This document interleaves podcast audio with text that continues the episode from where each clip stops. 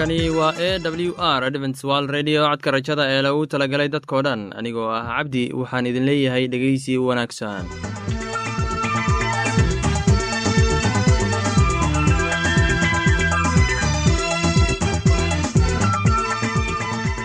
barnaamijyadeena maanta waa laba qaybood. Qaybta koowaad waxaad ku maqli doontaan barnaamijka caafimaadka kadib waxaa inoo raaci doonaa cashar inaga imid bugga nolosha. Barnaamijyadeena maanta si wanaagsan u dhegeysan doontaan haddii aad qabto wax su'aal ama tala. Iyo tusaale fadlan inala soo xiriir dib ayaynu kaga sheegi doonaa ciwaankayagu balse intaynan u guudagelin barnaamijyadeena xiisaa leh waxaad marka hore ku soo dhowaataan. Heestan daabacsan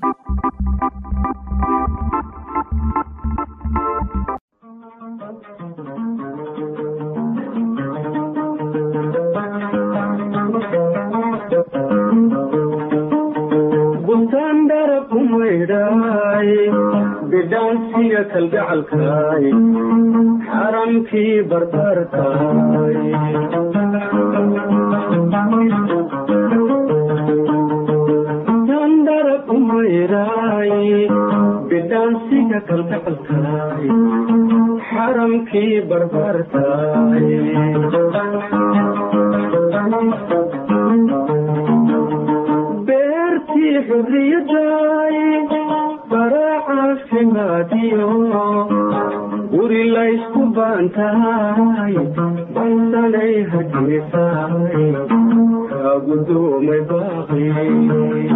baxsanay hargeysaay kaagudoomay baaqi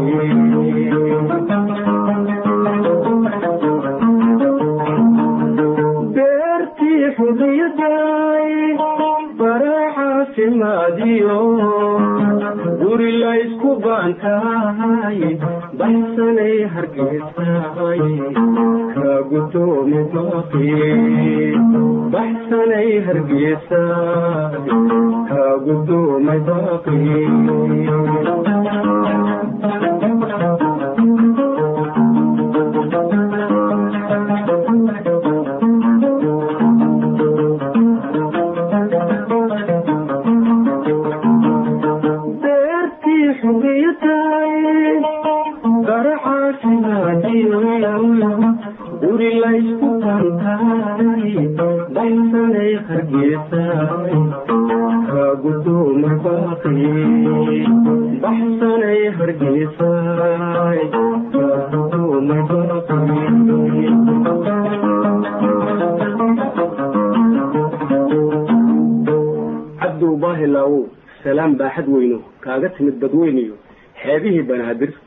waa bariidadayde nabad begsigiyo nabad begsigiyo nabad begsigiyo nabad begsigiyo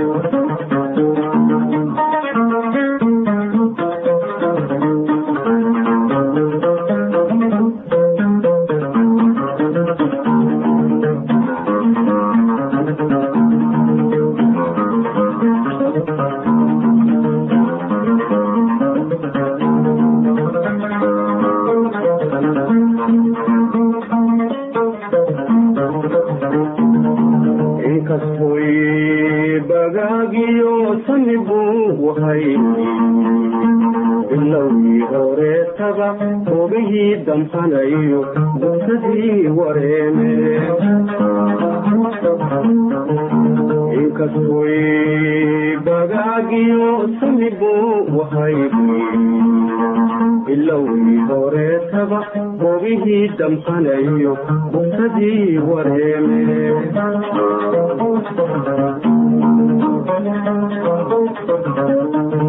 bogsiinadan kaheesiyo baantii aan helayba kaa dhaaftay baashi u bilaaba biqiliyo jawaabi kaabaahi bixiya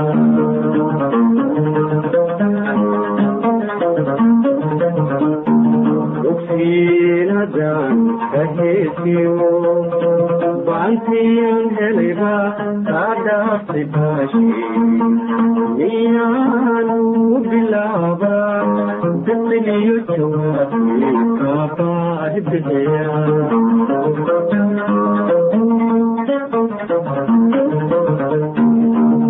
eebooyin badashii bilaawiyo halgaadi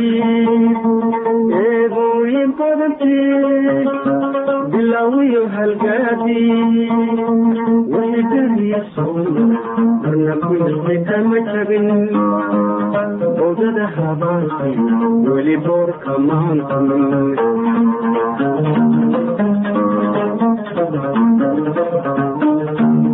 eebooyin badantii bilaawiyo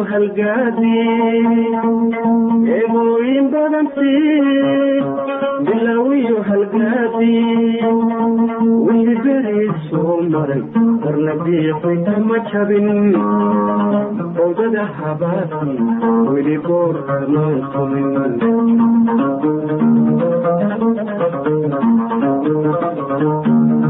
xaaliga sidii way baxsanaanta muuqiyo idaankaygu wacantahay baroranayo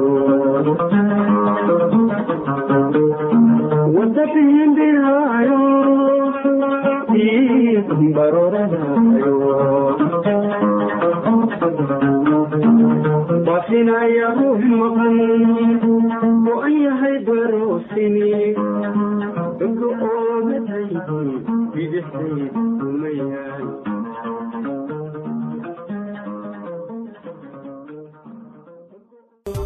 waxaan filayaa inaad ka faa'iidaysateen heestaasi. Haddana waxaad ku soo dhawaataan barnaamijkeenna caafimaadka barnaamijkaasi oo ah barnaamij oo ka hadli doona caafimaadka guud ee qofka bini'aadanka ee dhegeysi isuuban dhibaatooyinka la xiriira nafaqadarida waxaa ka mid ah miisaanka qofka oo hoos u dhaca marka uusan abitaad lahayn kadib markii uu qaadan waayey nafaqadii loo baahnaa in uu qaato taana waxaa looga gudbi karaa in qofka buka la siiyo dhowr jeer maalintii lagu dhiirigeliyo in uu qaato cunto yaryar oo hadba in yar la siiyo.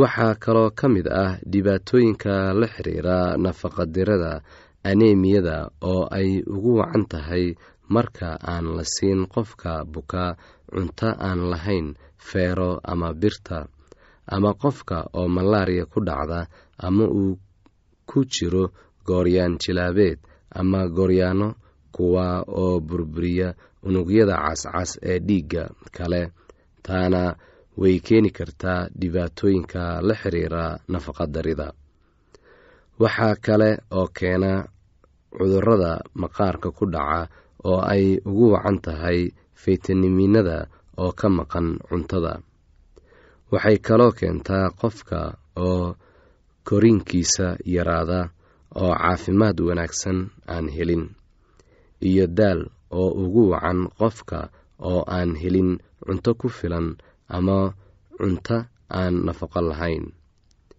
Waxaa kale oo iyana ka mid ah qofka buka oo qaad cuna isagoo ku dhafra ama geershaynta oo kale.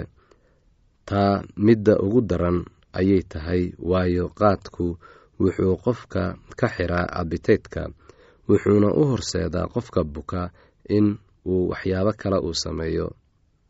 Haddaba waa in laga waaniyaa in uusan wax muqaadaraad ah isticmaalin ama uusan dhafrin waayo wuxuu jidhkiisa u baahan yahay in uu nasto oo uu qaato raashin nafaqo wanaagsan leh. Waxaad mararka qaar arkaysaa qof buka oo haddana aan innaba u tarin naftiisa isagoo isticmaalaya muqaadaraad cunto dheef lehna aan cunin. Qofka qaba h i v aidiska waxaa laga yaabaa in ay dhibayso cunto cunidda ama uu u baahan yahay in la siiyo cunto kala duwan oo uu ka heli karo nafaqooyin. Haddii qofka bukaa uu shubmayo si cunto jilicsan cunto la tumay oo aan u baahnayn calalis si uu si fudud ugu luqo. Waa in aad siisaa maalintii shan jeer cunto yaryar oo marba in la siiyaa. Sidoo kale waa in la siiyaa qofka bukaa cabitaan fara badan si uu jirkiisa u helo dheecaankii ka baxay siba marka uu aad u shubmayo sida juuska oo kale maraqa shaaha iyo biyaha iyo biyo lagu qasay milix iyo sokor ayaa loo baahan yahay in la siiyo qofka shubmaya ee dhecaan baxaya. Haddii qofka ay labalaba ay hayso raalli naga ahaada waxaan ka wadnaa haddii qofka ay uu labalaboonayo waa in aad siisaa in yar oo cabitaan ah ama maraq ah adigoo hadba ka basiinaya sidoo kale waxaa loo baahan yahay in aad liinta dhanaan aad in yar siiso si ay uga joogsato labalabadii. Aroortii waxaad siin kartaa rooti qalalan ama buskad. Waxaad siisaa mar walba cunto dhadhan halka aad ka siin lahayd mid macaan si uusan u labalaboon. Waxaad ka ilaalisaa cuntada dufanka leh yuusan seexan isla marka uu wax cuno. Waxaa kale oo loo baahan yahay in xasharaadka laga ilaaliyo guriga siiba barambarada iyo duqsiga si uusan u labalaboon haddii uu afka yeesho barabaro waxaad siisaa qofka buka cunto jilicsan oo la tumay. Si biyo liin ah ama waxyaabo kale oo cabitaan ah ama wax dhandhanaan. Ha siin cuntada sokorta leh ama caanaha sokorta ee aadka ugu badan tahay. Haddii uu afka xanuun yeesho ha siin qofka bukaa waxyaabaha kulul sida bisbaaska ama shaaha kulul. Kana ilaali cuntada adag ee u baahan in aad loo calaaliyo. Ka ilaali cuntada aadka u kulul laakiin ku fiiri inuu cuni karo cunto qabow in afka uu dareenka uu ka tago iyo in kale. Ka taxadir ilkaha iyo afkaba. Haddii uu qofka uu wax cuni waayo u bandhig xaaladiisa caafimaad dhakhtarada ku shaqada leh lana kaasho iyaga sidii wax looga qaban lahaa xaaladiisa caafimaad iyo sidii uu abitayd u heli lahaa haddiise aad guriga ku haysato adigoo hadba wax ku tijaabinaya waxay taa sababi kartaa in uu ka sii daro oo uu gaaro heer aan waxba laga qaban karin xaaladiisa caafimaadka.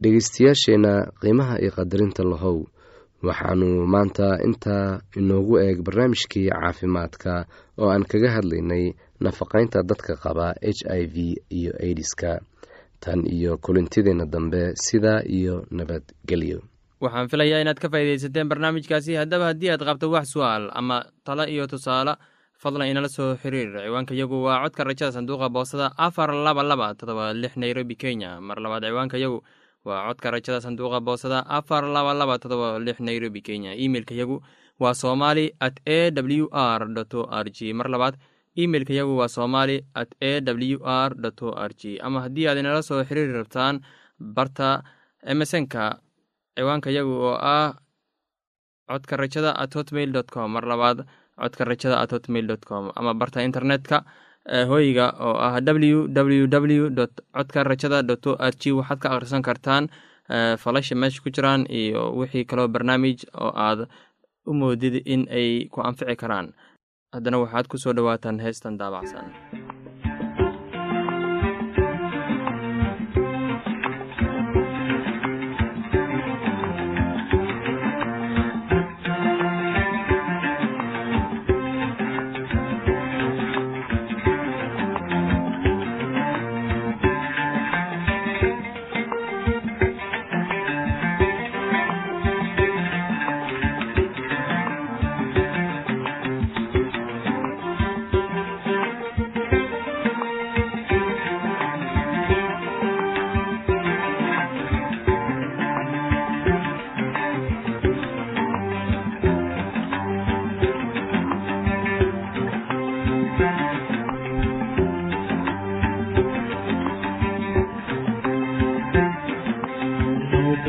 bisinka wayn aqoon barasha wayn ilaahay yaqiin wayn kitabna gudaha wayn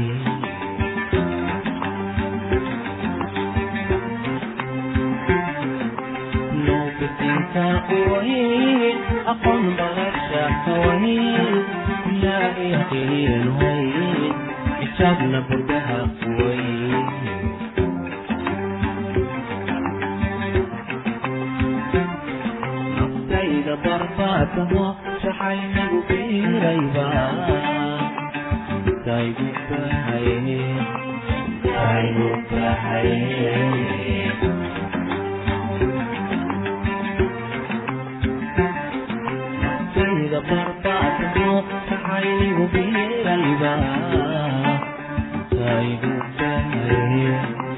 taygu bahaye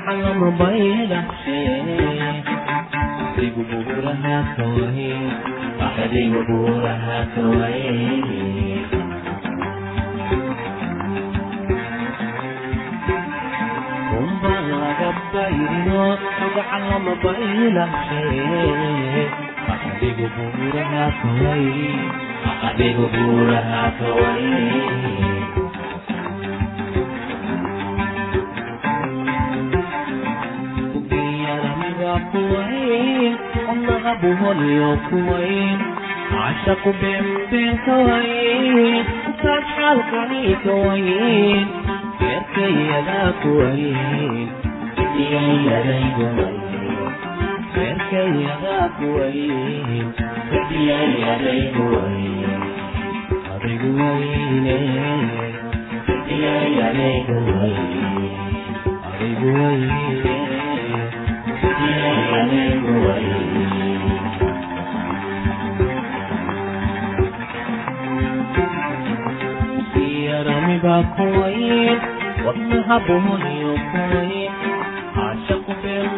ka weyn bukaan xaalkani ka weyn beerkayadaa ku weyn samiyeeyadaygu weyn beerkayadaa ku weyn samiyeeyadaygu weyn adigu weyne samiyeeyadaygu weyn adigu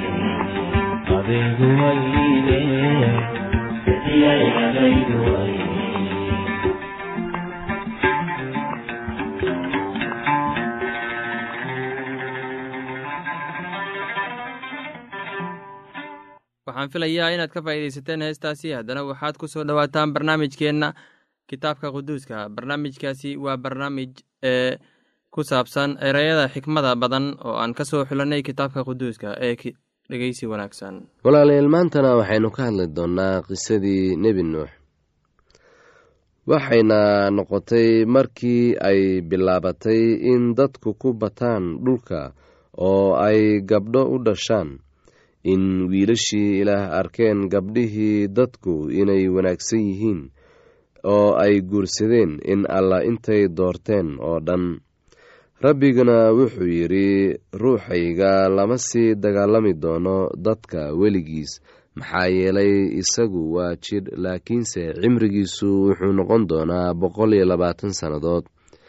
Waagaas waxaa dhulka joogay dad waaweyn oo xoog badan. Taas kadibna kolkii wiilashii ilaah u yimaadeen gabdhihii dadka oo ay carruur u dhaleen isla kuwaas waxay ahaayeen nimankii xoogga badnaa oo waagii hore ahaa raggii caanka ahaa. Rabbiguna wuxuu arkay in dadku sharkiisu ku badan yahay dhulka iyo in male kasta oo fikirada qalbigiisu ay shar keliya yihiin had iyo goorba. Rabbiguna wuxuu ka qoomameeyey samayntii uu dadka ku sameeyey dhulka wuuna calool xumaaday.